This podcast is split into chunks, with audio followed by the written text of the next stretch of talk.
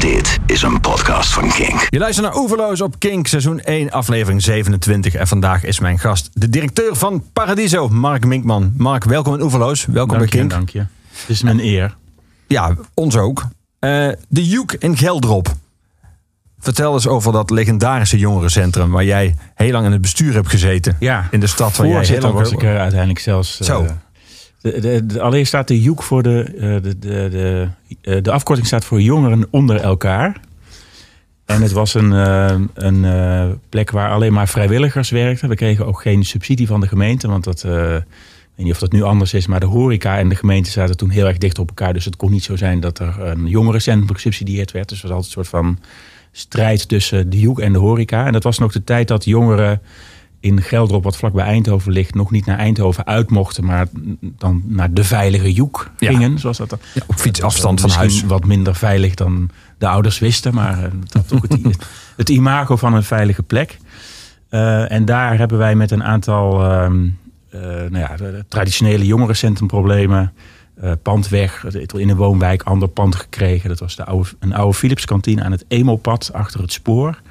Eh, en dat hebben we helemaal met onze eigen handen verbouwd. En toen zijn we met een, met een klein groepje begonnen. En dat werd een, ja, een enorm succes. Waar, wij- waar wij ehm, eh, toen enorm van verbaasd waren dat het zo goed ging. Maar dat gaf wel enorm veel eh, stimulans om daarmee door te gaan.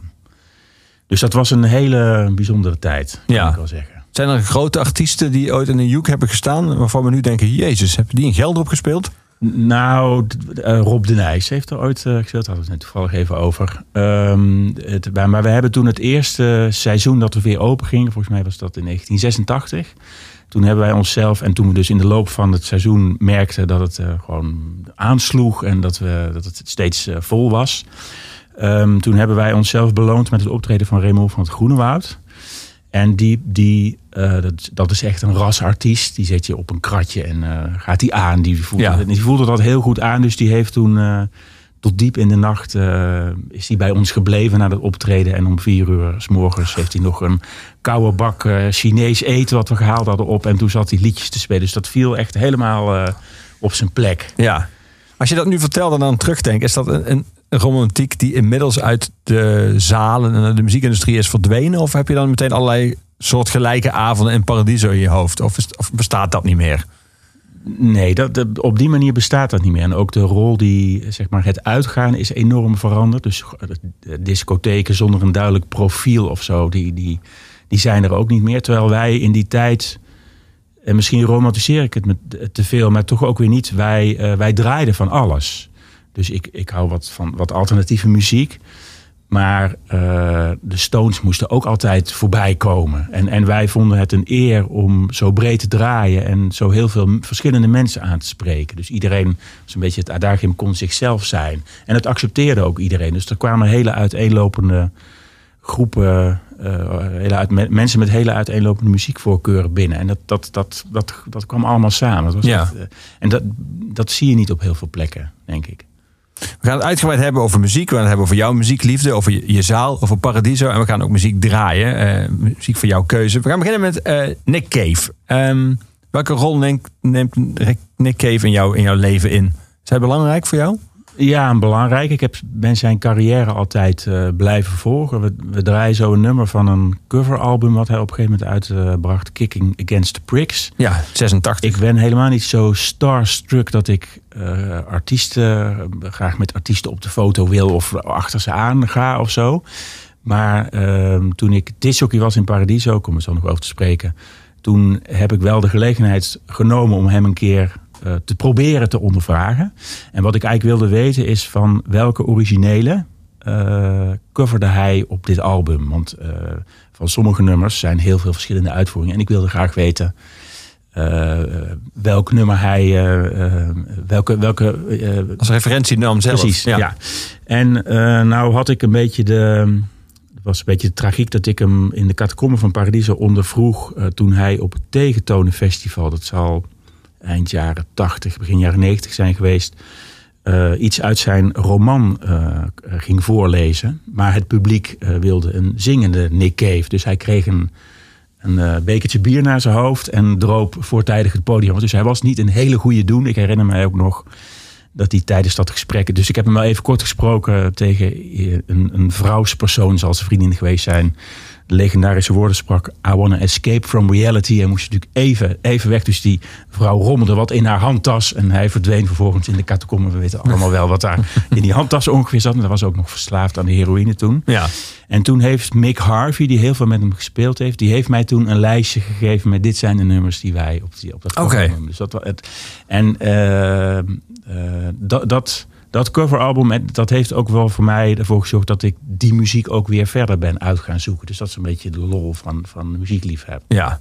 Wat een barbaar trouwens. Om een glas bier naar Nick Cave te gooien. Ja, terwijl hij het eigen werk Ja. voordraagt. Ja. Als je nu luistert al jaren later, schaam je alsnog. We gaan naar Nick Cave luisteren. By the time I get to Phoenix.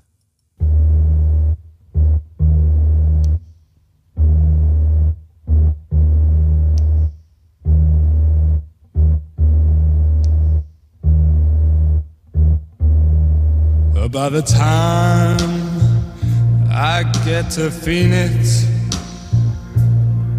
she'll be rising.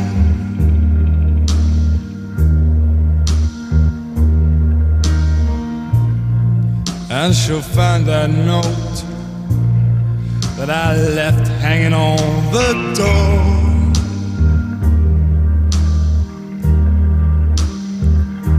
And she'll laugh when she reads the part that says I'm leaving.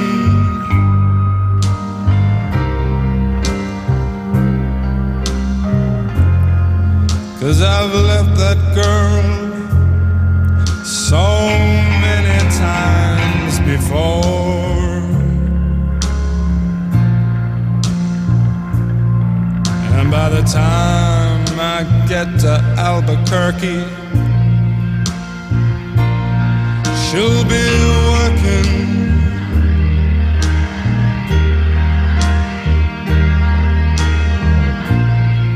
And she'll take off time just to give me a call.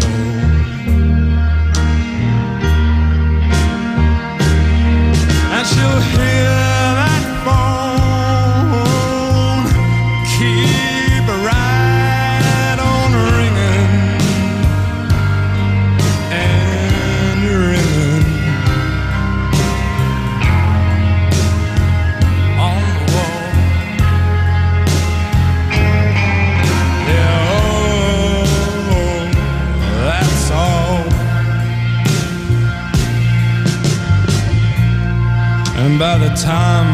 Oklahoma,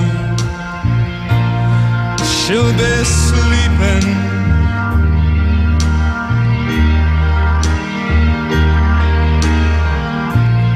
She'll turn softly in her sleep and call my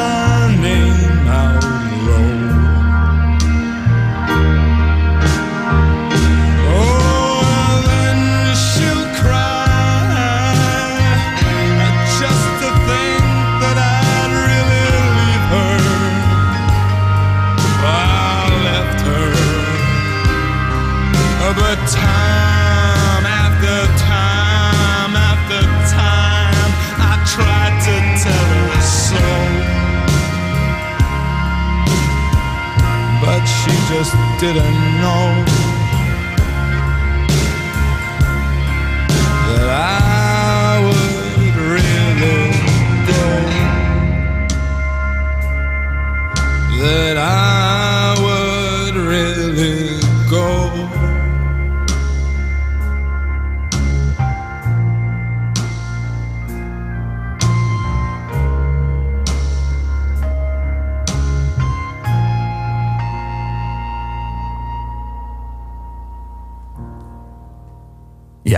Prachtig. Een keuze van mijn gast vandaag hier. En oeverloos Mark Minkman, directeur van Paradiso. Ehm, als je nou zo'n Joek bijvoorbeeld, waar jij eh, dan voorzitter was, eh, daar werkten alleen maar vrijwilligers, neem ik aan. Ja. Is dat dan onvergelijkbaar met een bedrijf als Paradiso, waar je gewoon eh, soms in verschillende zalen tegelijk en dan daarna nog een dansavond en waar natuurlijk ook het kaliber artiesten of soms in ieder geval over het algemeen wat, wat, wat groter is. Eh, heb je het gevoel dat je eigenlijk nog een soort van hetzelfde doet als toen? Je bent gewoon je runt gewoon een plek waar mensen samenkomen van muziek genieten? Of is dat onvergelijkbaar? Nee, er zitten zeker parallellen in. Er zijn, zijn zeker dingen hetzelfde. Eh, voor Paradiso geldt ook, het, het is een bedrijf. Wij, wij werken niet mee, met vrijwilligers of, of niet of nauwelijks. Dus iedereen wordt gewoon betaald. Ja. Eh, en dat maakt dat je als eh, bedrijf een andere verhouding met mensen hebt. Ehm, maar die periode bij de Joek, die uitsluitend uit, dat was een vrijwilligersorganisatie, dat, dat eh, ja, als iemand even niet naar zijn zin heeft, dan gaat hij weg. Dus je moet iets doen of je moet iets creëren waardoor iedereen dat ook echt wil blijven doen. En dat, dat heb ik nooit meer ergens anders eh terug. Nee. Nogmaals, bij Paradiso komt daar iets anders voor in de plek, omdat iedereen die er werkt is zo enorm bezield met Paradiso. En dat is in alle lagen van de organisatie. Ik heb het dan altijd over de. Zit iemand die heeft klassieke talen gestudeerd. Die zit aan de receptie. Niet echt waar je klassieke talen voor. Is enorm betrokken. En toen ik daar net kwam werken, toen hadden we op kantoor een probleem met ticketing. Iemand die was ziek en moest wel van alles gedaan worden. En zei aan de receptie: kon dat ook? Dus ik zei, ik wil graag dat je naar boven komt. En toen zei ze, nee. Nou, ik, bij de VARA is een hele directieve directiestructuur. Dus ik dacht, oh, nee tegen je directeur zeggen, dat is nogal wat. En uiteindelijk eh, vroeg ik, waarom wil je niet naar boven komen? Want ik heb echt een probleem. Toen zei ze, nou, de Deus komt twee dagen. En daar heb ik me gewoon op zitten verheugen. Dus ik heb haar gewoon beneden gelaten. En een eh, functie van een receptionist is ontzettend belangrijk. Want dus, eh, ja, wij denken dat artiesten grootheden zijn, maar die kunnen ook ongelooflijk onzeker zijn. Die komen Paradiso binnen, zijn gewoon gespannen. En het eerste contact wat ze hebben is iemand die achter de receptie zit. En dat is dus iemand die ongelooflijk betrokken is en die niet gewoon zegt, nou daar ligt dat en daar ligt dat, maar die, die, die vangt je op. Dus ik denk dat, dat dat achteraf een hele goede keuze is geweest. En die betrokkenheid van mensen, dat, dat, dat, ik bedoel, Paradiso is een fantastische zaal, maar het grootste goed van Paradiso dat is de betrokkenheid van de mensen. En, en ik, ik heb het idee, er gaat natuurlijk ook wel eens wat mis, maar dat artiesten dat ook voelen. Dat ze in alle lagen van die organisatie eh, die betrokkenheid eh, waarderen en, en, en ondervinden. Ja. Die Joek, je zei in een interview in Parool dat je, daar heb je dus heel veel eh, tijd in gestoken in het bestuur. En daarna ook voorzitter. Maar als twintiger. Maar als tiener ging je er zelf niet uit. Terwijl heel vaak zie je bij eh, dat soort zalen dat de mensen die uiteindelijk zo'n zaal dragen, zijn de mensen die daar zelf door gevormd zijn in hun nog jongere jaren. En dat bijna als een soort van om iets terug te doen eh, dan in, in zo'n bestuur gaan. Maar dat Ja. was bij jou dus heel anders. Waarom- nee, waarom ik was, ten eerste was ik helemaal geen uitgaanstype eigenlijk als, eh, tiener. Wat voor type was je dan? Wat deed jij? Eh, ik drink niet. Niet, niet, niet vanwege principiële reden, maar ik, mijn, laat ik het anders vragen. Jouw eerste biertje, dat was niet lekker, denk ik. Dat zegt iedereen. Ik drink ook niet, dus dat weet ik niet. Nee, oké, dus dan moet ik het aan jou misschien niet vragen. Maar dus ik dacht, nou, dit vind ik niet lekker. Dan ga ik Ja. dus niet door. Punt. En, en ik had het ook kennelijk niet nodig om stoer of weet ik Nee. wat. Dus, dus dat, dat, dat, dat, dat, trok mij nooit zo. Maar ik vond het wel, eh, het, eh, eh, die, het, het jongerencentrum, dat trok me op, op een bepaalde manier wel aan. En ik kon daar ook mijn liefde voor muziek kwijt. Want daar moet, moesten natuurlijk platen ingekocht worden. En het was een hele prettige sfeer. Dus, dus dat, dat heeft me er uiteindelijk toe gebracht. Maar het is niet zo dat ik iets wilde teruggeven van Nee, wat ik nee. zelf had meegemaakt of zo. Nee. Casey Musgraves gaan we draaien. Eh, heb jij live herinneringen aan haar? Ja, zeker, zeker, zeker. Zij, ehm, ik heb haar in, eh, op South by Southwest gezien. Dat is eh, een groot muziekfestival in Austin. Ja. Daar heeft ze ook een tijdje gewoond. En ehm, ze, haar stijl is wel wat veranderd. Want wij kennen haar toch als een country ster, maar ze is veel breder. Ik vind het hemels, haar stem. En eh, dit raakt me, ik weet niet precies waarom, maar het raakt me zo enorm. Ik kan me ook niet voorstellen dat, dat het, als je dat een aantal keren luistert, dat je dat dan niet raakt, laat ik het zo zeggen. En dat is niet veranderd, want die, die, weet je, die Same Trailer, Different Park, die plaat was, die was minder gepolijst dan deze, dan die Ja. Golden Hour. Ja. Maar dat is, niks, dat is voor jou niks verloren gegaan bij haar. Nee, zeker niet. Nee, het, de- ik, ik, een rode draad van alle muziek, van veel van de muziek die ik, waar ik van hou, is dat het authentiek is. En eh, zij ziet er als een Barbie pop uit, kan, kan je wel zeggen. Maar toch is haar stem is 100% echt. Dat, dat, dat, dat komt rechtstreeks uit haar hart. En dat is wat me denk ik zo aanspreekt. Ja, we gaan naar de luisteren. Slow Burn.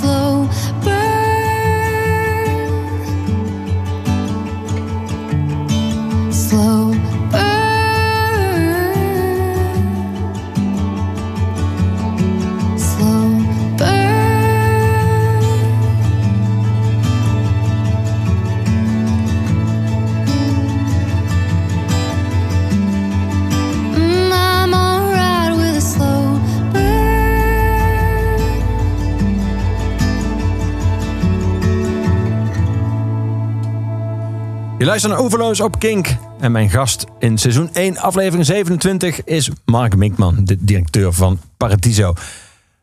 Mark, wij gaan dadelijk naar Fugazi luisteren. Eh, de band die na Minor Threat kwam. Eh, stel, jij zou nu vandaag, als je daar thuis komt, de mail hebben dat Fugazi eh, een reunietour gaat doen. En dat ze dat die zich aanbieden voor Paradiso. Zou je dat dan meteen boeken? Of hoe werkt dat dan? Uh, nou, dat soort verzoeken komen niet bij, bij mij binnen, maar bij programmeurs. Uh, sta je dan wel in de CC? Of nee, ook dat niet. Want zou je dat gekmakend zijn? Nee, nee, daar word ik helemaal gek van. ja. Nee, dus, dus uh, wij bespreken met alle programmeurs iedere week de agenda. En dan worden de opties besproken, omdat al die programmeurs die dat soort verzoeken krijgen, gewoon een datum zoeken. En als ze dan in een bepaalde periode een optie willen, dan, uh, dan, dan, moet daar de ruimte voor zijn. En dan wordt vaak de status van opties die andere programmeurs er hebben ingezet. Want nogmaals, er komen eindeloos veel van dit soort verzoeken binnen. Uh, die worden dan besproken en kan, kan, jij die optie, kan die aan de kant voor mij. Ja. En uh, kan je uh, binnen 24 uur aan die artiest vragen of die wil. ik kan het zeggen, dat is één keer per week, maar dat er heel vaak tijdsdruk is. Ja, zeker. Ja, maar de één keer per week is wel het moment dat iedereen bij elkaar zit. En, en, dat je eigenlijk dat programmeurs met elkaar bespreken wat de status van verschillende opties is. Ja. Want opties blijven wel vaak staan, maar, maar je krijgt dan ook het door nou album wordt waarschijnlijk later uitgebracht. Dus tour wordt waarschijnlijk uh, opnieuw gepland, maar optie blijft nog even staan. Ja. Um, maar in zo'n geval uh, is de, de, de filosofie, wat, wat, is de plek waar een band als Fugazi het beste tot zijn recht komt?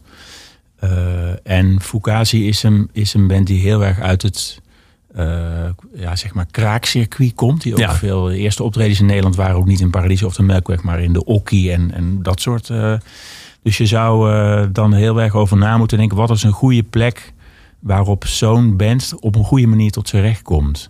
En misschien is dat helemaal niet in de grote zaal van Paradiso, bij wijze van spreken. Of, of is het een band die daar toch niet populair genoeg voor is? En dat is natuurlijk de, de kracht van goed programmeren: is dat je een artiest neerzet in een omgeving en in een zaal met de capaciteit die gewoon heel goed past bij. bij uh, ja. Dat het vol is. Of Precies, wat, wat Leo Rijmakers wel eens vertelt van het, een goed concert is een concert dat uitverkocht is. En, en zo is het. Dan heeft iedereen het gevoel, ja, hier, hier willen we allemaal bij zijn. Hier willen ja. veel meer mensen bij zijn dan erbij zijn. Wat niet hoeft te zeggen dat, je, dat een concert met een half lege zaal niet goed kan zijn. Want dat kan namelijk ook heel erg goed zijn. Um, maar die capaciteit en, en die artiest en de sfeer die dat hele concert heeft...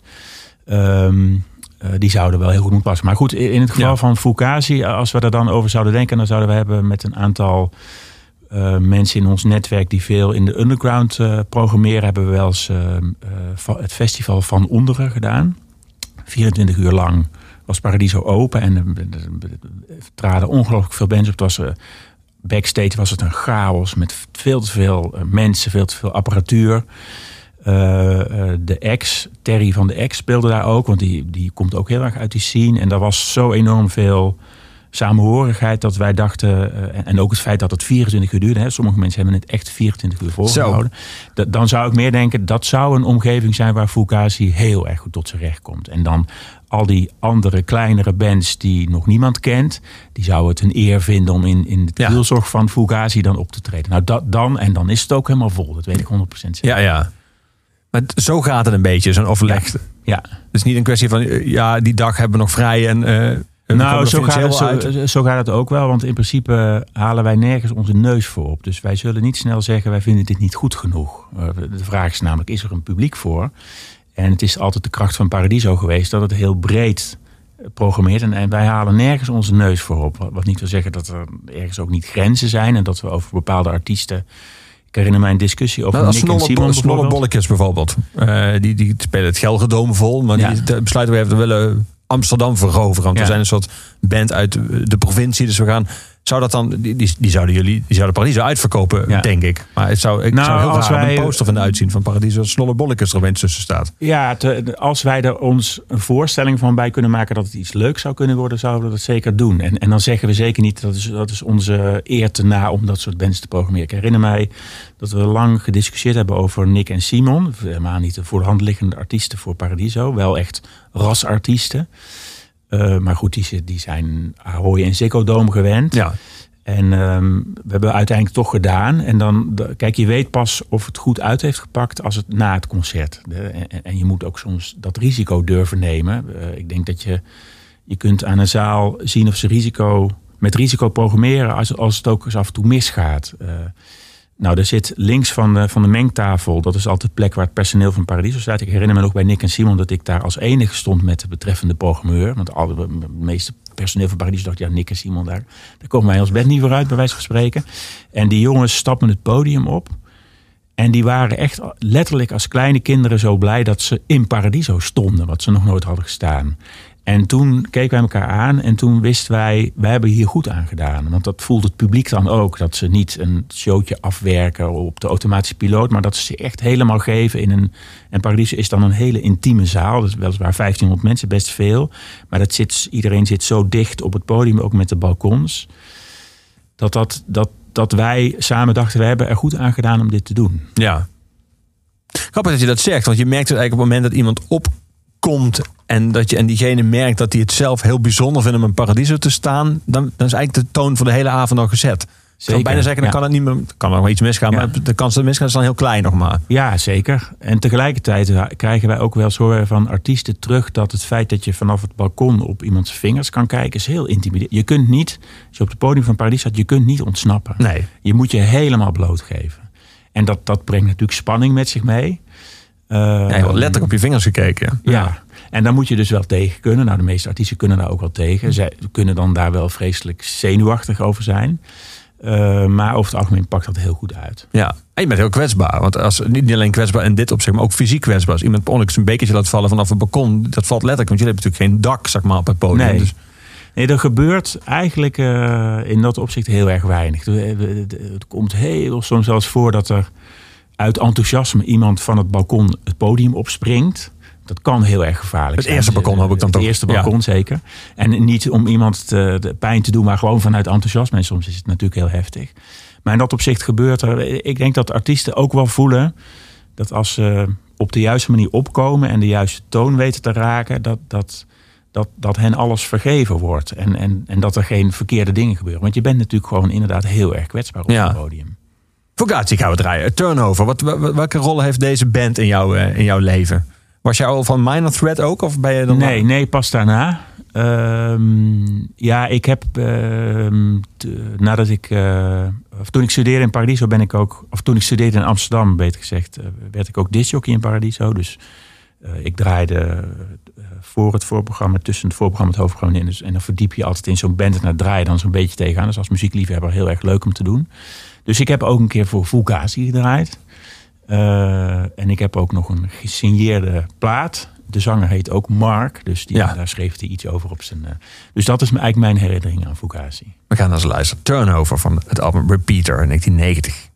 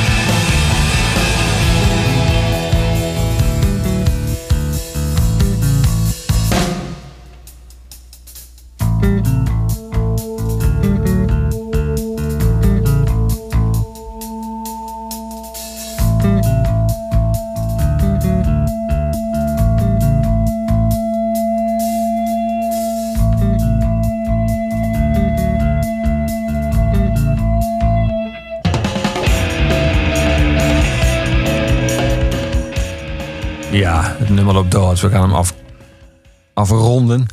Met een onnatuurlijke fade-out. Wat een invloedrijke band was dat toch? Als je ze dan terug hoort, hoor je opeens hoeveel bands naar Fugazi hebben geluisterd. Ehm, een keuze was dat van onze gast vandaag hier in Oeverloos. Mark Minkman, directeur van Paradiso. Mark, je had het net over eh, het moment dat jij in Paradiso ook heel vaak draaide als DJ. Maar toen zei je, ik draaide dan eh, voor, voor het voorprogramma, tussen het voorprogramma en het hoofdprogramma. Je draaide ook, neem ik aan, na het hoofdprogramma. Of was dan, komt ja. dan een andere Ja. DJ? Nee.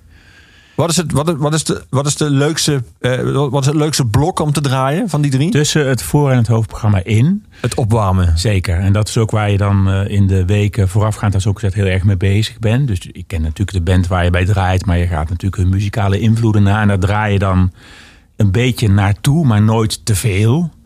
Er draait natuurlijk per definitie geen nummers van die band Nee, zelf. nee. Dat kan niet. Dat is een zonde. Ook niet, het is een zonde, ook niet eh, de, de, de bands die zij coveren bijvoorbeeld, als je dat weet. Dat mag ook niet, het zijn allemaal ongeschreven regels. En het is leuk om daar een beetje tegen aan te draaien. En dan ehm, ja, ook een beetje de sfeer aan te voelen erin, zo- die er in zo'n zaal is. Hangt heel erg af van het soort concert of, of de status van zo'n artiest. Ja, Maar dat je eigenlijk die verwachtingsvolle zaal, als het goed is, een beetje eh, ja, nog verwachtingsvoller maakt. ja, eigenlijk bij een soort nog een voorprogramma. ja in die zin. zeker. Ja. Maar dan daarna, dan is de band afgelopen en dan, dan moet jij het eerste nummer opzetten. Dat lijkt me een heel rare plek. Eh, want dat, je bent dan degene die duidelijk maakt, nee, die laatste toegift komt er niet. Nee. Bent een soort van de koude douche die over de zaal wordt Ja. uitgestort. Ja. Hoe, hoe is dat? Nou, het, eh, dat is een nummer waar je in de voorbereiding het meeste mee bezig bent. Ja. Omdat je het op een goede manier af wil sluiten. En inderdaad is het letterlijk de afsluiting. Want het concert is dan afgelopen. En inderdaad het signaal aan het publiek. Het is nu klaar. Dus, het, de, de- dus dat nummer leidt tot een teleurstelling bij het publiek. Want dan is het echt over. Komt natuurlijk overigens heel soms wel eens voor. Dat er een opluchting is? Nou, dat niet. Maar dat je dan eh, van de techniek, eh, herinner ik mij nog wel, de, de suggestie krijgt. eh, zet hem even wat zachter. Want het idee dat het publiek zo hard joelt dat ze toch nog wel weer een toch ja, willen doen. ja. Zijn, is toch, ook- gebeuren ook nog, toch nog wel spontane dingen. Dus je hebt ook wel eens moeten afbreken. Ja, zeker. Ja, maar dat doe je, doe je dan natuurlijk graag. Ja. En je Ja, wilt helemaal natuurlijk zijn. Als jij uit, e- uit ego voor jou spreekt. Nee, sorry, nu, nu is het mijn, nu is mijn beurt. En eh, er wordt dus ook niet zo heel veel gereageerd eh, op, die, eh, op die nummers. Terwijl je daar als disjockey wel heel erg goed over nadenkt. Wat je, ik herinner mij, en dat heeft, ik denk dat helemaal niemand dat gehoord heeft. Ik heb ooit gedraaid bij de Pixies. Waarvan toen al duidelijk was dat eh, Kim Deal en eh, Black, Black. Francis, of Frank Black... ehm, eh, dat, die, dat, dat de band uit elkaar zou gaan omdat het tussen die twee niet helemaal boterde. Dus, de, dus ik sloot toen hun concert af met The Sparks, This Town Ain't Big Enough for the Both of Us. En ik denk dat ik de enige was die de betekenis daarvan breekt, maar vond ik toch leuk om te doen. Ja. Maar het, een, een hoogtepunt van iets wat, want meestal heb je een aantal nummers in gedachten die je zou kunnen draaien af van de concert. Het hangt er heel erg vanaf hoe zo'n concert afloopt. Want het kan heel heftig eindigen, maar juist ook heel erg stil en rustig. En dan moet je dat nummer ook, eh, je moet er niet, eh, het contrast moet ook weer niet te groot zijn. Die teleurstelling moet je, die moet goed landen, bij wijze van ja, spreken. ja. Dat Dat er nazorg bij Ja, eigenlijk. precies. Dat eh, Michel Schocht trad op, een Canadese singer-songwriter die, die ook wel een beetje uit de Fugazi-kringen, heel alternatief eh krakerscircuit. En op het podium, het is weliswaar een activist en nog steeds zie, je dat wel. Ehm, maar zij roept ook heel veel sympathie op bij het publiek. En dat gebeurde tijdens het concert. En hoewel zij helemaal geen Michel heet, want dat is helemaal haar echte naam niet, haar artiestennaam, draaide ik toen Michel van de Beatles. En dat, daar reageerde het publiek heel erg heftig op. Zo van, ah ja, Ja, ja. dit is wat wij gezien hebben, namelijk die hele sympathieke dame Michel Schocht. Dus dat, dat was een hoogtepunt. Maar over het algemeen wordt er op dat nummer inderdaad heel weinig gereageerd. Ja, dat is dan je, het tragische lot van de DJ Precies. na de hoofdact. Ja. We gaan luisteren naar een, een van de beste live artiesten van Nederland. Heeft ook vaak in Paradiso gespeeld, neem ik aan. Typhoon. Ja, ja da- daar speelt wel een bijzonder verhaal eh, bij. Want hij heeft jarenlang ehm, eh, er, eh, gewacht voordat hij eh, op een gegeven moment in 2013, 2014 een nieuw album uitbracht. Ja. 2014. En hij heeft toen een albumrelease gedaan in Paradiso Noord in de Tolhuistuin. En ik heb, ik, daar was ik niet bij, maar ik heb mensen gesproken die in het restaurant stonden. En die mensen uit de zaal zagen komen, helemaal doorweekt van het zweet. En die wisten, hier is iets bijzonders gebeurd. En eh, Glenn heeft in eh, interviews ook wel aangegeven, dat was het eerste moment dat ik merkte dat de muziek die ik had gemaakt, waar ik jarenlang over gedaan had, dat die aansloeg bij het publiek. Nou, dat was precies wat er gebeurde. En eh, hij heeft, is daarna heeft, is, is- heeft hij de festivals veroverd in die zomer. Ja. En hij stond in december in Paradiso voor de Grote Zaal voor de eerste keer Grote Zaal. En dat is, dat is voor heel veel artiesten gewoon toch een enorme mijlpaal. En iedereen die er bij dat concert was, die, die, die herinnert zich dat.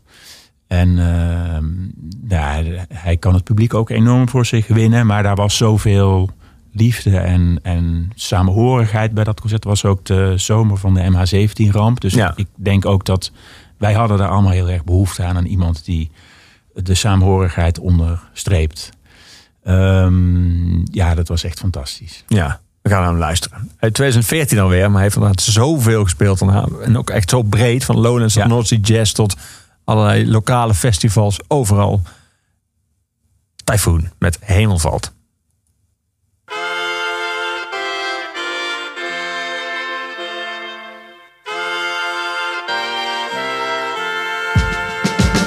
Wat zijn woorden opgeschreven als de kern ervan niet wordt begrepen? Voorbij het punt van lezen is het de kunst van leven. Tussen de regels buiten de kantlijn. Hoe anders zou het zijn? Hoe anders zou het zijn? Ben een gezegend man, maar een man met gebreken. Soms belabberd, niet eerlijk, soms te berekenen. Alles op de tekentafel, liefde. Geven is makkelijk, maar ontvangen van een ander kaliber. Je kent mijn streken en mijn kracht. Ken de muziek, de poëzie en wat het heeft gebracht. en ik ben dankbaar voor mijn lach. Als ik dat niet had, was ik depri of suicidaal. Ze zeggen doe normaal, verman jezelf. Al gaat het goed, dit paradijs lijkt soms verdacht op een hel. Maar goed, ik sta versteld, sta stil en herinner me. Alles is er al van binnen. Als de hemel valt, de hemel valt.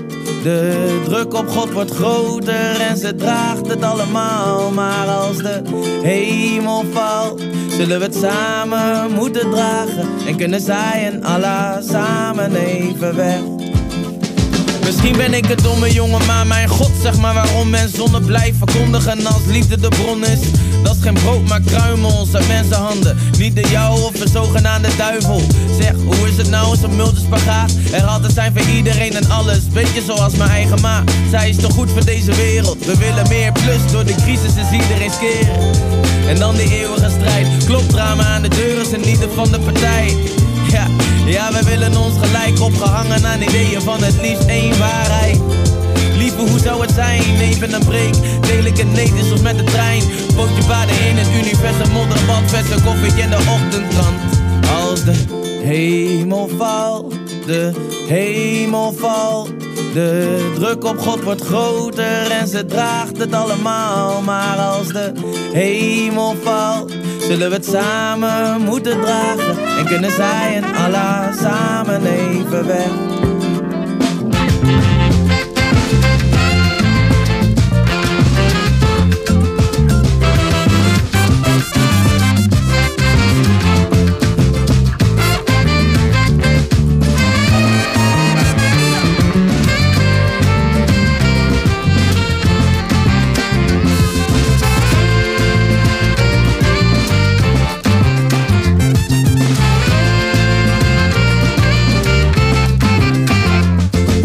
Luistert naar Oeverloos op King en mijn gast is Mark Mikman, de directeur van Paradiso. Mark, ik had vroeger een vriend, eh, een jeugdvriend, die ging studeren en die ging toen econometrie studeren in Tilburg. En ik bleef vast bij hem slapen en keek in zijn studieboeken en er was echt geen enkele alinea waar ik iets van begreep. Stond ook bijna geen taal in, alleen maar cijfers. Ja. Dat heb jij gestudeerd, econometrie, althans daar ben je aan begonnen. Ja. Waarom? Nou, dat, dat, dat het, eh, eigenlijk is het gewoon geheimtaal. Eh en als je je daarin verdiept, dan blijkt het helemaal niet zo ingewikkeld te zijn. Maar dat vergt wel veel abstract denkvermogen om dat te begrijpen. En dat, dat, eh, dat het iets geheims had, zeg maar, dat is wel wat mij eh, motiveerde. Dus ik ben aan die studie begonnen, heb ook daar keurig netjes mijn propenduis gehad. Moest daar wel behoorlijk eh, hard voor werken, want het is gewoon echt heel erg moeilijk. En toen ben ik politicologie gaan doen. En toen ik mijn tweede baan had, toen heb ik een, zeg maar de helft van de doctoraatstudie econometrie afgemaakt. Omdat Oh ja? ik toen wel begreep eh, wat je daarmee kon. En toen dacht ik, nou, nu begrijp ik wat ik daarmee moet. Ehm, maar ik ben het met je eens, het is gewoon geheimtaal en een hele abstracte manier van denken. En zijn er wel eens momenten in jouw leven als directeur van Paradiso dat je denkt, het is toch echt handig dat ik econometrie heb gedaan, maar nu snap ik waarom deze band dit wil of waarom deze begroting zo in elkaar zit? Of... Nou ja, ik denk dat voor iedereen die econometrie studeert of wil studeren, daar geldt een, een, een eh, ongezonde belangstelling voor getallen.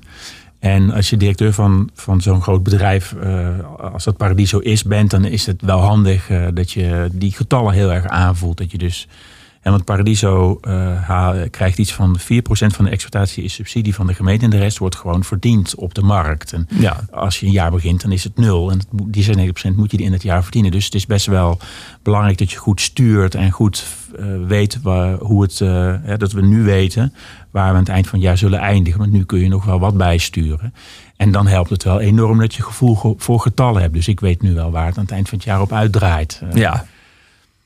Gelukkig maar. Allemaal Ja. niet voor niks geweest. Nee, Hè? precies. We gaan naar een van jouw grote helden luisteren, naar Neil Young. Ja. Ben je hem altijd trouw gebleven? Of zijn er momenten dat je wel eens even dacht... Nou, nou, Neil, Nou, moet dit nou eh, op deze manier? Ja, ja, zeker. Maar wat ik hen, hem het meest waardeer is dat hij precies doet waar hij zelf zin in heeft. Ja. En dan kan het misschien eens wat minder eh, gelukkig zijn wat hij doet. Maar het feit dat, je, dat een artiest precies doet wat hij zelf wil. Ook gewoon, hij heeft op een gegeven moment in de jaren tachtig een synthesizer album uitgebracht. Ja. Tot grote woede van de plaatmaatschappij. Waar overigens Ook van veel fans. Zeker. Waar nummers op stonden die nog steeds eh, kunnen overleven nu. Eh, du- Dus daar blijkt nog steeds wel echt wel kwaliteit achter te zitten. En dat is, maar dat is precies wat ik in hem waardeer. Dat hij precies doet als artiest waar hij zelf zin in heeft. En dus niet denkt wat verwacht het publiek van mij. Nee, ik, ik maak wat ik zelf vind dat ik moet maken. En dat maakt hem tot een sterke artiest. Ja. Thank you.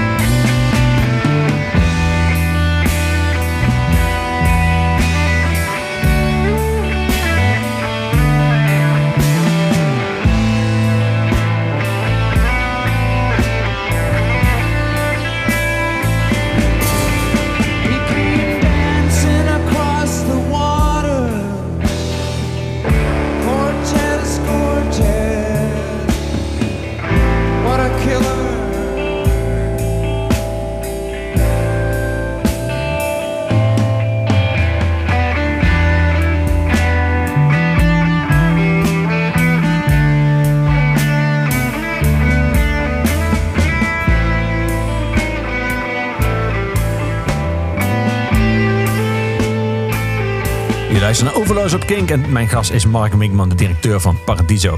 Mark, ehm, jullie, er zijn avonden in Paradiso dat jullie een, zaal, een, een, band of een act in de grote zaal hebben staan. En ook eentje in de kleine zaal, met de trappen op. eh, maar dan ook nog in verschillende zalen waar jullie eh, programmeren. Eh, Er staat er iemand in de Paradiso Noord, en dan staat er nog in Bitterzoet iemand, of in de Amstelkerk. Of, en dan om 11 uur eh, is de curfew. En dan moet het publiek en de band moet klaar zijn. En dan begint daarna weer een dansavond. Dat zijn avonden waar allerlei verschillende activiteiten door elkaar. En publiekstromen door elkaar zich bewegen. Maar ook hele strakke schema's. Ehm, is die romantiek waar we het over hadden bij, eh, toen je nog in Geldro bij de Joek werkte. Waar gewoon Raymond van het Groenewoud om vier uur s'nachts nog kan besluiten om zijn gitaar te pakken. Dat, dat kan niet meer. Eh, eh, is die romantiek, is dat jammer vind je dat die verdwenen? Of, of is het gewoon 2019, andere tijd, ook andere verwachtingen van het publiek? Eh, Nou, het is, het, is, het is ergens wel jammer dat het verdwenen is. Ehm, dat heeft ook met de industrie te maken. Dus de industrie is allemaal veel, het is allemaal veel meer gereguleerd dan het in het verleden was. Dus bands beginnen ook gewoon op tijd. ja, En ik heb Neil Young ooit in de Stopera gezien, in volgens mij 89. Nou, die begon een uur te laat. Maar dat hoorde er gewoon bij. En het joelen van het publiek, de, de, de stilte tussen de nummers, dat herinner ik me nog als meeste, bij wijze van spreken. En eh, als het nu gebeurt, dan wordt het publiek, waar accepteert dat ook niet meer. En dan moet je als artiest echt extreem goed zijn om, de, om het feit dat je een uur te laat opkomt, dat te compenseren. Maar het komt ook gewoon bijna nooit meer voor. Nogmaals, omdat het ook soms gewoon echt in, in, het, in wat er nog in op zo'n avond en zo'n nacht verder moet gebeuren ook niet meer kan. Nee. Maar grappig je dat zegt, want ik ga wel eens een buiten naar een concert en dan ben ik al geïrriteerd als ik nou geen time schedule vind. Wat ik natuurlijk heel erg gewend ben. Dat ik Ja. weet, oké, het begint dus om half tien de hoofdact en om elf uur is Ja. afgelopen. En dan om kwart voor elf zit ik in de auto. Je bouwt een heel programma. Zo is het publiek natuurlijk ook geworden. Ja, de- dus we zijn wel een beetje verwend geraakt als publiek. En ik heb het idee, dat zeg ik ook wel eens tegen programmeurs, om een beetje te stimuleren van boek nou eens een, een artiest die gewoon niet eh, op, op het rechte pad loopt, zeg maar, die, die iets geks doet. Ik, ik heb het idee dat dat soort artiesten ook de industrie niet meer inkomt. Weet je wel, dat je niet verschijnt als je een interview, een promotie-interview doet. Dat, dat, dat klopt gewoon niet meer. Tegenwoordig dan word je er gewoon uitgeflikkerd bij je platenmaatschappij, bij Ja. spreken. Misschien in sommige segmenten van hip-hop dat dat nog wel. eh, ja, zeker. Daar is het gecultiveerd Nee, daar is die, eh, die, die, eh, die houding is er nog wel. Ehm, maar, maar je moet natuurlijk dan oppassen dat je. het moet niet een, een houding zijn om een imago te kweken. Het moet iets echt zijn. Ja. Maar, maar echt geniale artiesten. Ja, daar zit ook gewoon vaak een steekje los. Maar dat, en dat, dat, dat gaat vaak samen met een, met een enorm creatief brein. En dat, dat soms mis ik dat wel bij iemand, iemand wie je dat nog wel terugziet, is Mark Koslek van. ehm, eh, nou, ik ben de naam even kwijt, maar hij treedt ook wel onder zijn eigen naam op. Dus die trad op een gegeven moment bij ons op en die zei tegen de lichtman: I want it totally dark. En daar was geen ontkomen aan. Eh, anders dan treed ik niet op, zei hij, zeg maar. En eh, nou, dat zijn mensen ook weer niet gewend, hè, dat je zo wordt toegesproken. Maar dat is iemand die, ja, die heeft iets geniaals. En dat gebeurde ook. Hij speelde En helemaal. dat in- gebeurde ook, ja. En eh, omdat hij ook wel heel duidelijk liet merken dat hij. eh, en dat zijn, daar proberen we dan wel rekening mee te houden. Ofwel in de zaal waar je hem laat optreden, of, of gewoon op een avond. Dus zo iemand zet je niet in de grote zaal als je weet dat het tijdschema heel krap is. Nee. Als je tegen zo iemand zegt, je moet zo laat beginnen en zo laat stoppen. Dat is dan iemand die zegt, nou sorry, dan treed ik me niet op. En als je dan zegt, dan krijg je geen geld, zegt hij, wat zou mij dat nou eh, worst wezen, weet je wel. En dat zijn, dan, dan mis je ook gewoon ergens, ergens ook de echte artiesten. Die Ja. het niet voor het geld doen, maar die gewoon iets willen neerzetten. En zich prettig voelen om een hele goede show neer te zetten. Want ik kan me herinneren, Ryan Adams heeft ooit bij jullie gespeeld. En die bleef maar toegifte geven. En inmiddels stond er al een rij voor het dansprogramma daarna. Tot ongeveer op de hoek van het Leidseplein. Ja. Maar hij wilde nog 36 nummers spelen en nieuwe dingen uitproberen. Zou dat nu nog kunnen? Of zou iemand om 11 uur, als hij om 11 uur besluit, ik wil toch nog drie toegiften geven. En de curfew is 11 uur. Wat, wat gebeurt er dan? Maar kun je, kun je de stroom eruit trekken? Of kun je met zijn manager gaan zitten en zeggen, dit was dus de gage? Of hoe ja. werkt dat? Nee, ehm, artiesten zijn bij ons de baas. En natuurlijk wel binnen bepaalde kaders. Dus als wij eh, dit soort artiesten op laten treden, dan, ehm, eh, dan weten we van tevoren wat we zouden kunnen verwachten. En, en wij gaan een artiest die door wil spelen, en het publiek wil dat ook, die gaan wij nooit. eh, dus, dat, dus, dat probeer, dus, dus je anticipeert erop door, te, door ervoor te zorgen, nou probeer dat je op tijd begint, bijvoorbeeld. Want dan heb je achteraf heb je daarna gewoon de ruimte. En dan in het programma wat er daarna komt, daar, daar probeer je dan in de voorbereiding ook al gewoon wat speling te houden. Van, het zou kunnen dat het concert uitloopt, dus hou rekening mee dat het misschien een half uurtje later eh, dat de deur voor jouw programma open gaat. Dus daar probeer je natuurlijk op te anticiperen, want het, het, wij zullen nooit een concert afbreken omdat, eh, omdat het tijd is, omdat er iets anders moet gebeuren. We gaan naar Courtney Barnett luisteren. Die eh, binnenkort op dat fantastische festival in Amsterdamse Bos speelt. Once in a Blue Moon. Ehm, waarom zij?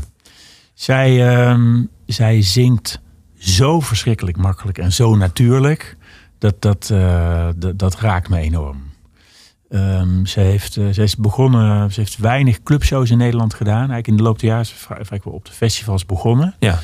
En ze heeft een paar jaar geleden in de zomer eh, wel een keer een clubshow bij ons gedaan. Dat was ook een fantastisch concert. Ja, het is gewoon zo'n getalenteerd eh, songwriter. Echt, echt eh, fantastisch. You said we should look out further. I guess it wouldn't hurt us. We don't have to be around all these coffee shops. Now we got that percolator. Never made a latte greater. I'm saving $23 a week. We drive to a house in Preston. We see police arresting a hand in a bag.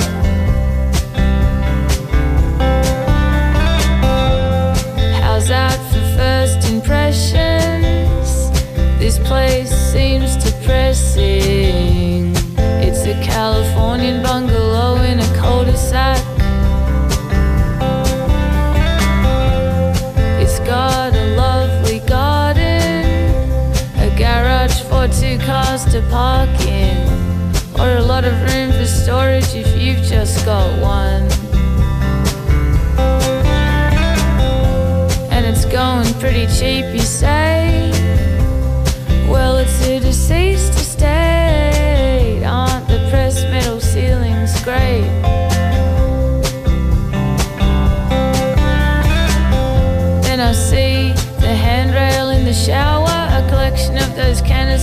coffee, tea, and flour, and a photo of a young man in a van in Vietnam. And I can't think of floorboards anymore, whether the front room faces south or north. And I wonder what she bought it for.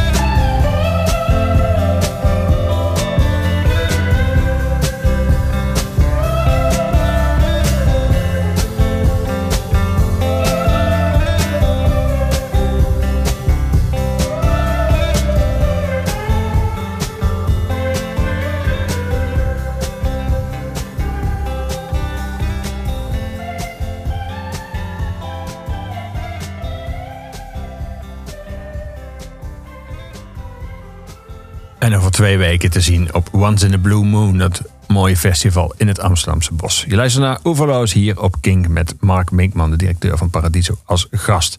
Mark, is uitgaan en, gewoon een avond naar een zaal als Paradiso gaan, is dat, is dat heel erg veranderd in de afgelopen jaren? Als je gewoon kijkt naar het uitgaansgedrag van mensen en de manier waarop ze dan, zeg maar, wat, wat ze ook verwachten van een, van een plek waar ze terechtkomen. Ehm, ik denk dat het, dat het qua ervaring in onze digitale omgeving veel eh, toevoegt aan wat het eh, eh, was. In elk geval als je naar een optreden gaat, want je bent er echt bij. Natuurlijk eh, had iedereen zijn telefoon tevoorschijn om het te filmen. Maar je hebt een ervaring die echt is. Je bent er echt bij, je ziet iemand echt spelen. Over het algemeen doen ze, voeren ze het ook allemaal live uit. Ja. Eh, en, dat, de, en dat heeft zoveel toegevoegde waarde op alle, ja, de, nepwereld om ons heen. Dat heel veel komt tot ons via een scherm en we worden gemanipuleerd bij het leven. Maar het gaan naar een concert is nog een echte ervaring. Eh, dat is een van de redenen dat, het, dat, het, ehm, dat, ehm, eh, ja, dat Paradiso en de hele industrie enorm gegroeid is. Althans, de live-industrie is mijn eh, verklaring. Omdat je gewoon iets echts meemaakt. en tegelijkertijd is het, eh, ja, het is wel allemaal veel meer gepland en georganiseerd. Omdat het dus, dus het spontane bezoek is een stuk minder dan, eh, dan twintig jaar geleden, bij wijze van spreken. Maar de, de ervaring op zichzelf, eh, die is natuurlijk niet anders dan die altijd was. Maar die zal nooit worden vervangen door dat je de live beelden ziet. Ik herinner mij dat ik, eh, we hebben nog opnamestudio's in Parijs waar we ook nog eh, concerten. Ik was, was bij een concert van Blauwtsoen wat we voor eh, 3FM toen aan het opnemen waren. En dan eigenlijk zie je op, in die ruimte, de regieruimte, zie je zeg maar tien, tien schermen met tien camera's. En je zou kunnen zeggen, daar zie je eigenlijk het beste wat er in die zaal gebeurt. En toen ik daar stond, toen realiseerde ik me, maar je staat niet in de zaal zelf. En terwijl je daar het beste ziet, vanuit allerlei eh camerastandpunten, publiekshots, maar ook heel dicht op het podium. Je mist iets, je mist de sfeer en het geluid wat je in die zaal hebt. En dat, dat, dat kun je op geen enkele manier reproduceren, elektronisch reproduceren. Dus dat maakt dat dat uitgaan naar een concert als ervaring, dat, dat, dat kun je nooit door iets anders vervangen. Nee. Zijn er veel artiesten die willen dat er eh, niet gefilmd mag worden? Weinig. weinig. Komt wel voor. Eh, Mark Koslik, waar ik net over had, die, eh, die houdt daar niet van. Nee, maar als je Eh, helemaal in donker wil spelen, dan is dat wel... ja, precies. Misschien heeft dat er ook mee te maken. Ja. Ehm, maar over het algemeen heeft iedereen dat toch wel geaccepteerd. Dat het heel normaal is dat je, dat je af en toe je telefoon tevoorschijn haalt en een stukje filmt. Ja. Zo grappig, ik was laatst bij Tool en dan mocht het niet. En dan gebeurde het ook echt niet. Nee. Toen viel me toch op hoe ongelooflijk verschil dat maakt. Ik was bijna vergeten hoe zo'n zaal, ja, of over donker gesproken, hoe zo'n zaal er dan ook al, al uitziet alleen al. Zeker, ja. ja. Ja, het komt wel, wel voor, maar niet heel erg vaak dat een artiest zegt... en ook aan ons vraagt, nou hang niet alleen eh, eh, posters op dat het niet mag... maar grijp ook in als het, eh, als het wel gebeurt. Prince had, had daar natuurlijk ook altijd wel een handje van. En dan snapt ook iedereen wel dat als ze dan, als ze dan zien... dat er iemand uit het publiek wordt gehaald die toch zijn telefoon pakt... dan, dan haalt iedereen het wel uit zijn hoofd om het dan toch te doen. Dus Ja. zien dat het dan menens is. Maar over het algemeen is het toch iets wat geaccepteerd is. Ja, Prince. Zijn er veel artiesten waar je hele dierbare herinneringen hebt die niet meer onder ons zijn, maar die jij wel nog in jouw zaal hebt gehad? Eh, nee, Prince is wel echt wel van de buitencategorie. Ik bedoel, wij zeggen, wij, wij, hebben, wij hanteren bepaalde regels. Als, eh, het is ook zakelijke voorwaarden als artiesten Paradiso optreden. En zijn er maar heel weinig die ook eh, buiten die regels mogen optreden. Maar Prince was er natuurlijk daar wel één van. En daar hebben heel veel mensen het nog steeds over. Dus, eh, Maar waar heb je het dan over regels? Als in eh, die, de nachtconcert of de... Of, of de... Dat, maar ook eh, de, de, gewoon de financiële voorwaarden Ja. waaronder in Paradies speelt. Als iemand anders dat ook vraagt, dan zeggen we nee, sorry, kan niet. En dan wil je natuurlijk het liefste tegen helemaal iedereen Straight zijn, straight zijn, want dat is het makkelijkste. We maken nooit een uitzondering. En Maar dan Prince kun je ook toch wel tegen heel veel artiesten zeggen, sommige stoot je daarmee tegen het hoofd. Van nou, we maken alleen een uitzondering als je Prince bent, maar jij bent Prince niet. Ja. Bij wijze van spreken. Wat je natuurlijk eigenlijk niet wil doen, want dan laat je merken dat je toch een uitzondering hebt. Ja, precies. Maar Prince wist zelfs een zaal met een econometrist als directeur te verwilmen om Zeker. eh, zich anders Ja. op te stellen. Ja, ja. De Feelies gaan we naar luisteren. Waar, waarom zij? Tien jaar Ja, oud, dat is een- album? Een eh, legendarische band uit de Verenigde Staten. Eh, ja, extreem goede muziek eigenlijk. De- dat is het vooral.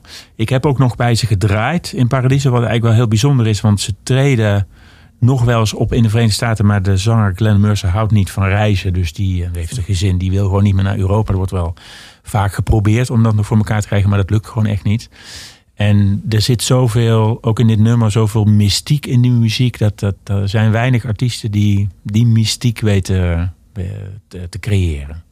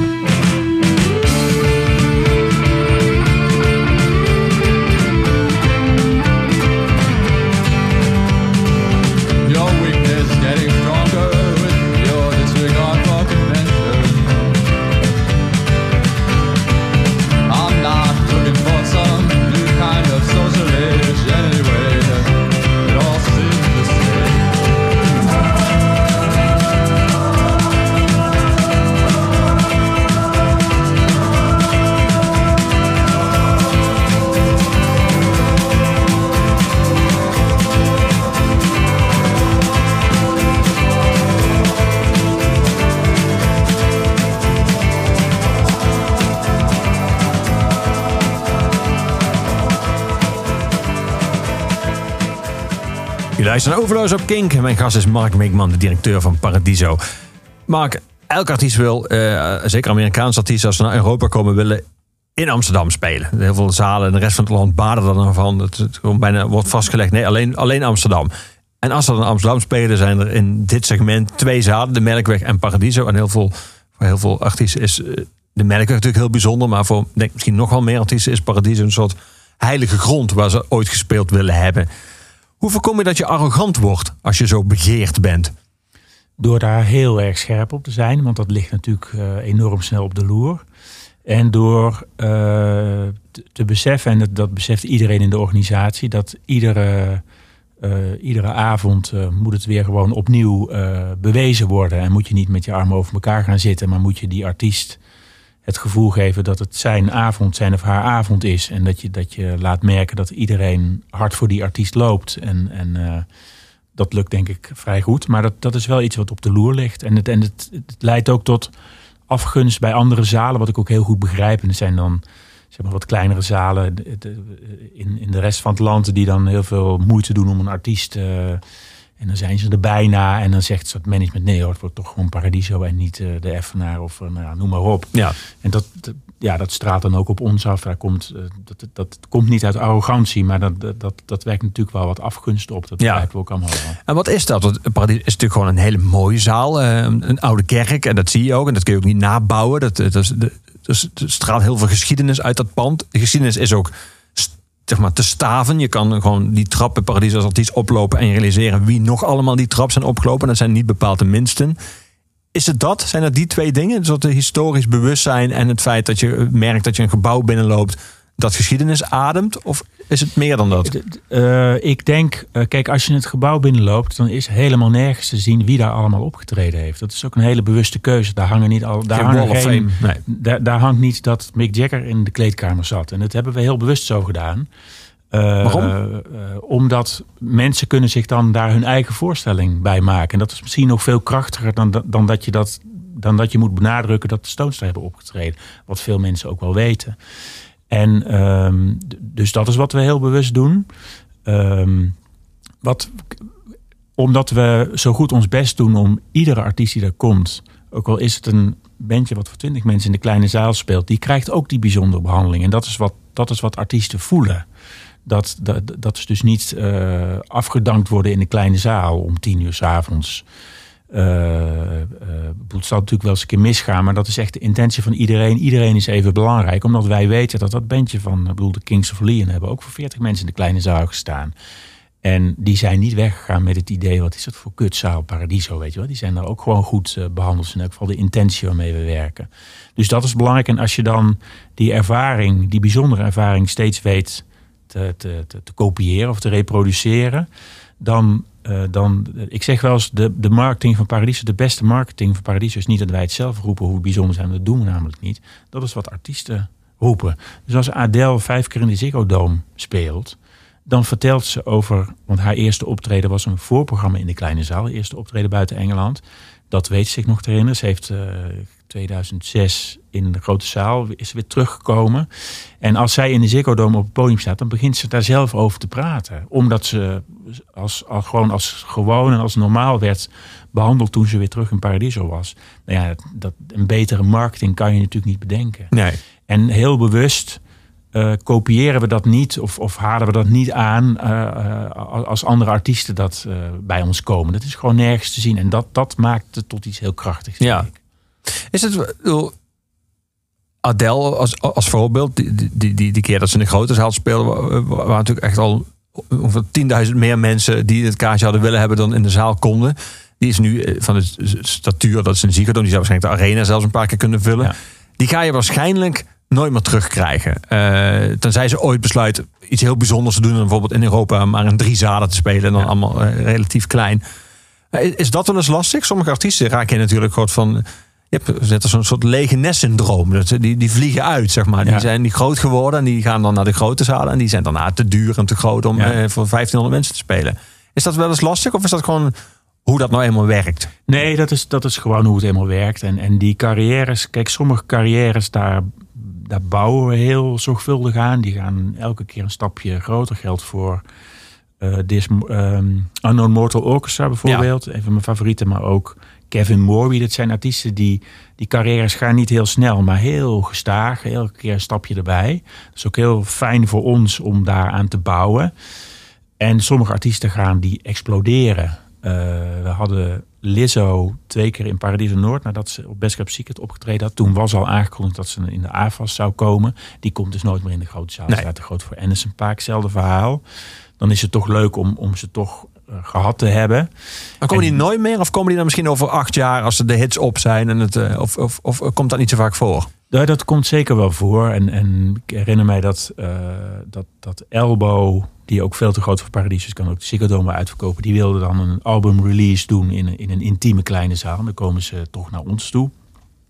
Stellen daar vervolgens dan hele hoge eisen bij, want dat kan je stellen als, als groot artiest. En dan zijn wij zo sterk dat ze willen bijvoorbeeld zelf de kaarten verkopen, wat wij niet willen, want dat willen wij doen, omdat we dat contact eh, willen hebben. Dan kunnen wij zelfs zeggen, wij willen heel graag dat jullie dat hier doen, want we vinden het ontzettend bijzonder. Maar wij willen de kaarten gewoon verkopen. En als je Ja. dat niet wil, ja, sorry, dan zoek dan een andere zaal. Ja, en dat, want je bent geen Prince. Dat moet je heel, nou ja, dat moet je heel goed verwoorden om Ja. te voorkomen dat je arrogant bent. Maar het is zo sterk dat, je, dat wij altijd onszelf kunnen blijven. En dat soort, ja, toch ook heel soms eisen kunnen stellen. Omdat je weet, ja, die artiest wil, die zoekt gewoon die hele specifieke sfeer van de grote zaal op om zo'n albumrelease te doen. En ehm, eh, Ja, dat houdt dat imago van die zaal natuurlijk ook groot. Dat je ook gewoon geregeld van dat soort concerten hebt. En dat zien, dat, ja, dat ziet de hele industrie ziet dat. En dit zien, dit zien alle artiesten ook. Dus dan, dan blijf je, dat is heel erg een self-fulfilling prophecy. Ja. Die overigens alleen maar voort blijven staan als wij ook gewoon iedere dag on- ongelooflijk ons best doen. Om het zowel het publiek als de artiest naar de zin te maken. Dus, dus wij zeggen altijd, wij zijn dienstbaar. Wij proberen artiest en publiek met elkaar in een goede match te brengen. En het gaat niet op ons. Wij zijn volledig dienstbaar aan artiest en publiek. Dat is de filosofie. En ik denk dat dat een belangrijke reden is dat we nou ja, zo groot blijven als we zijn. Take the Skinheads Bowling. Daar gaan we naar luisteren. Waarom deze? Ja, dat is een, een, eh, eh, een, een gegarandeerd succesnummer uit de Hoek-tijd nog. Eh, Camper van Beethoven. Ja. Eh, hebben we ook wel in Paradiso eh, gespeeld. Ja, het is gewoon een fantastisch nummer. Maar je denkt eerder terug aan de Joek dan aan eh Zeker, Paradiso met ja. dit nummer. Ja. ja.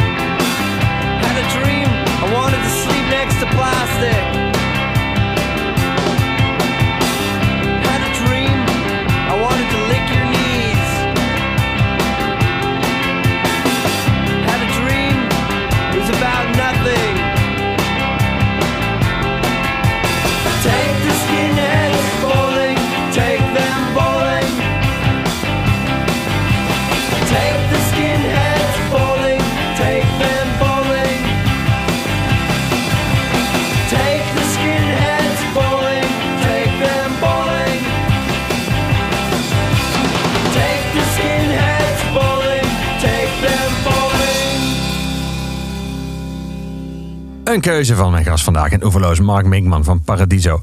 Mark, eh, een paar jaar geleden, nou inmiddels al behoorlijk wat jaar geleden, heb je de zaal vergroot. Vroeger gingen er 1250 mensen in Paradiso, inmiddels 1500.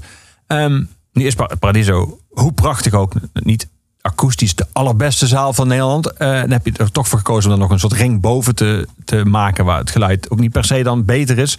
Is dat dan, was dat nodig? Omdat je merkte dat, je, dat artiesten willen spelen in een zaal waar minstens 1500 mensen in kunnen? Of dachten jullie van, wat zonde, al die ongebruikte ruimte boven ons hoofd?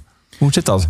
Nou, dat tweede balkon is eigenlijk een heel bijzonder verhaal hoe dat er is gekomen. Want in, we hebben op een gegeven moment eh, wat akoestische optredens van de Stones eh, ondersteund. En zij kwamen die zaal binnen en zij zeiden daarboven, het is te leeg, daar, daar moet iets komen. Dus toen is er ten behoeve van die concerten een piepschuim tweede balkon gemaakt.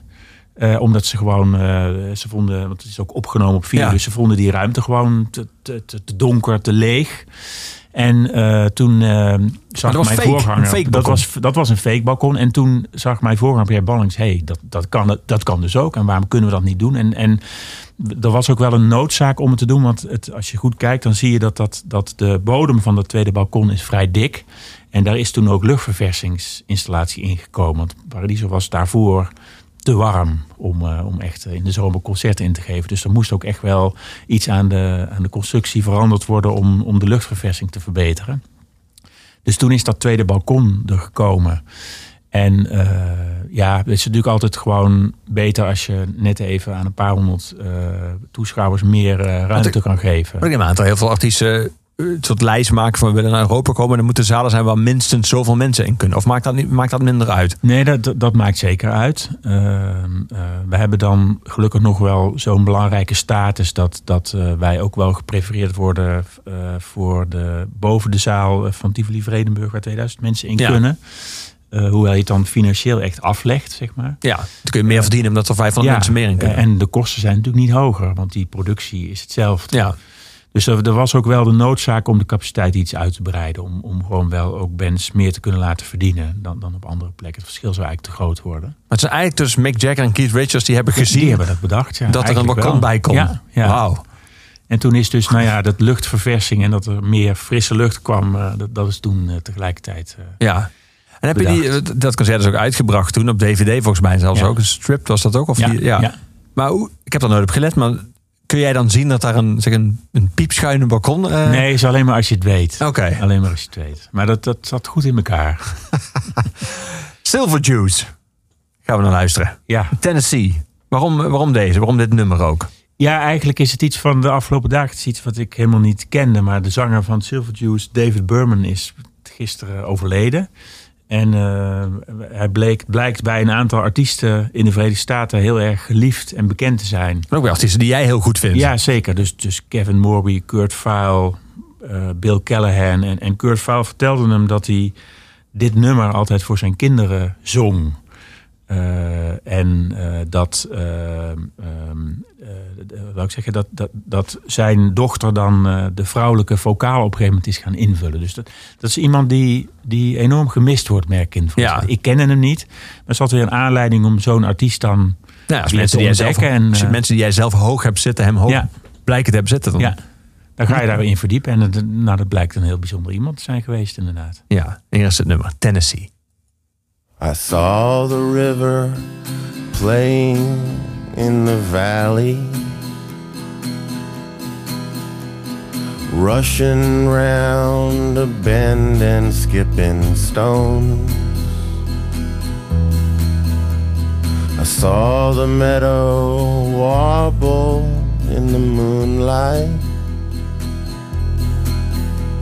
I've come to get my girl and take her home. Her doorbell plays a bar of Stephen Foster.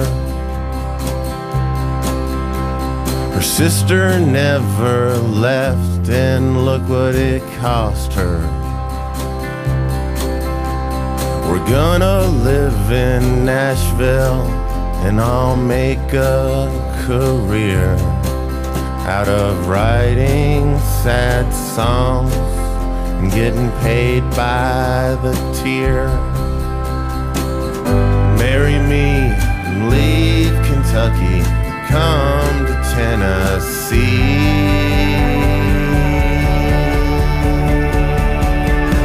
'Cause you're the only ten I see. You're the only ten I see. I've looked through offices and honky tonks for man man enough to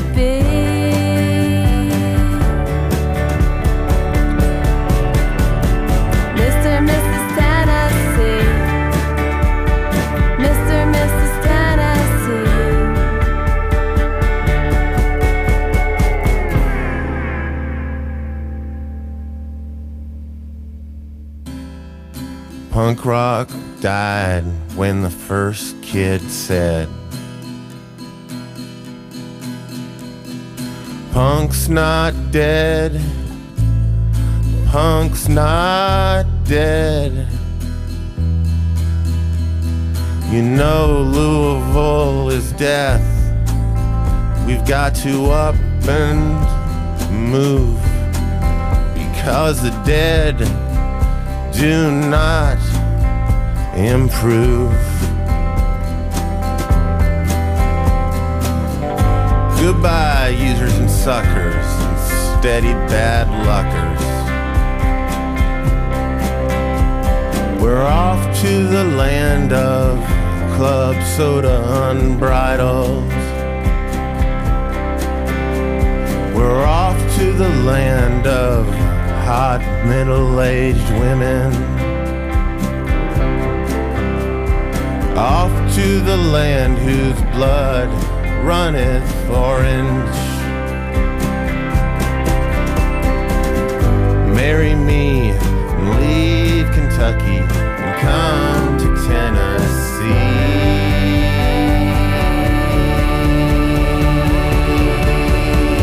You're the only ten I see. You're the only ten I see.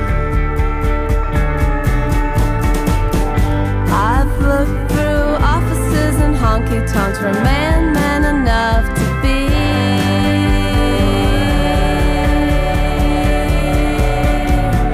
Mr. Mrs. Tennessee. Mr. Mrs. Tennessee.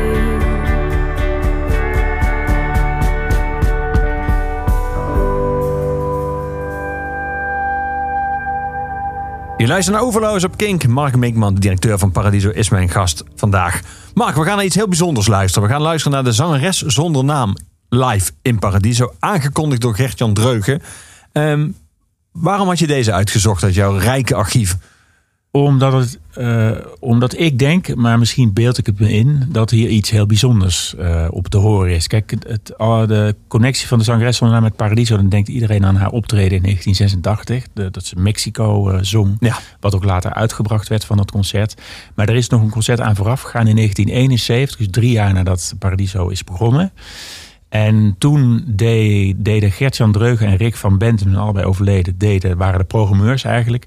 En die vonden het toen nodig, en het was een hele goede gedachte, om het publiek met iets te confronteren waar ze normaal gesproken niet mee in aanraking zouden komen. Dus die zochten eigenlijk heel bewust een confrontatie op. En dat is een, daarom heb ik het ook uitgekozen.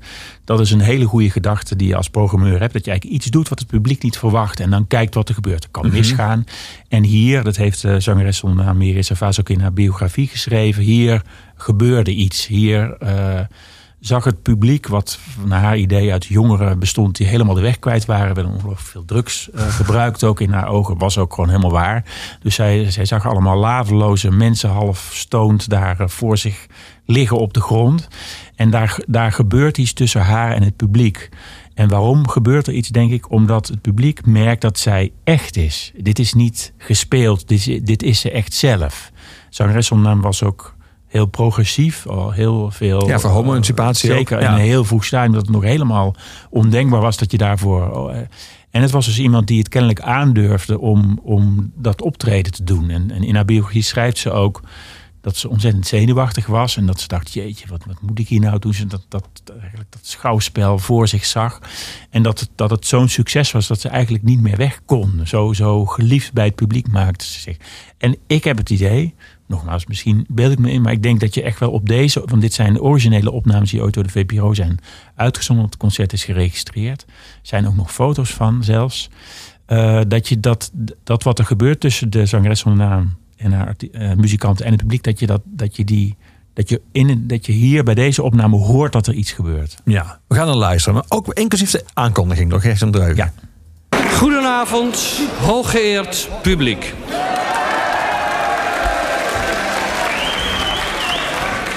Het is Paradiso een bijzonder genoegen u hedenavond uit te mogen nodigen... tot het bijwonen van het gala-optreden van de koningin van het levenslied.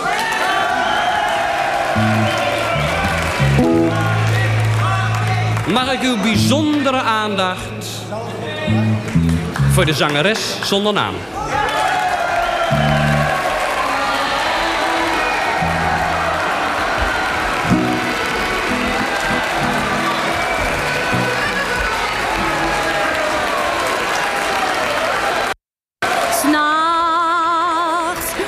De donkere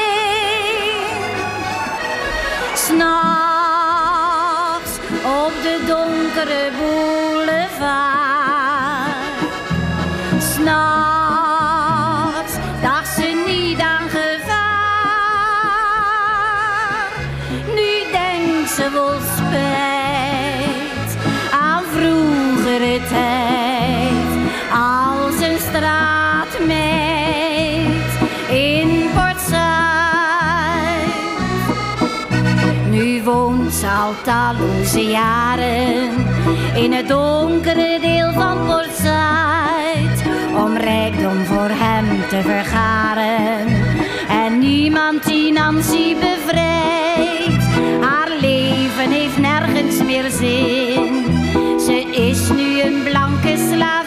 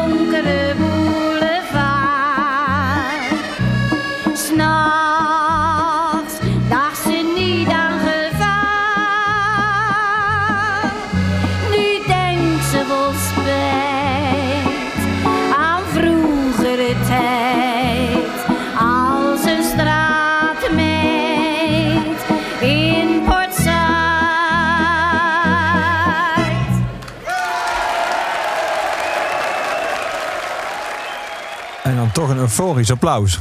Ja, absoluut. Bewijst dit dat uiteindelijk alles kan, als je het maar goed doet? Ja, dat denk ik wel.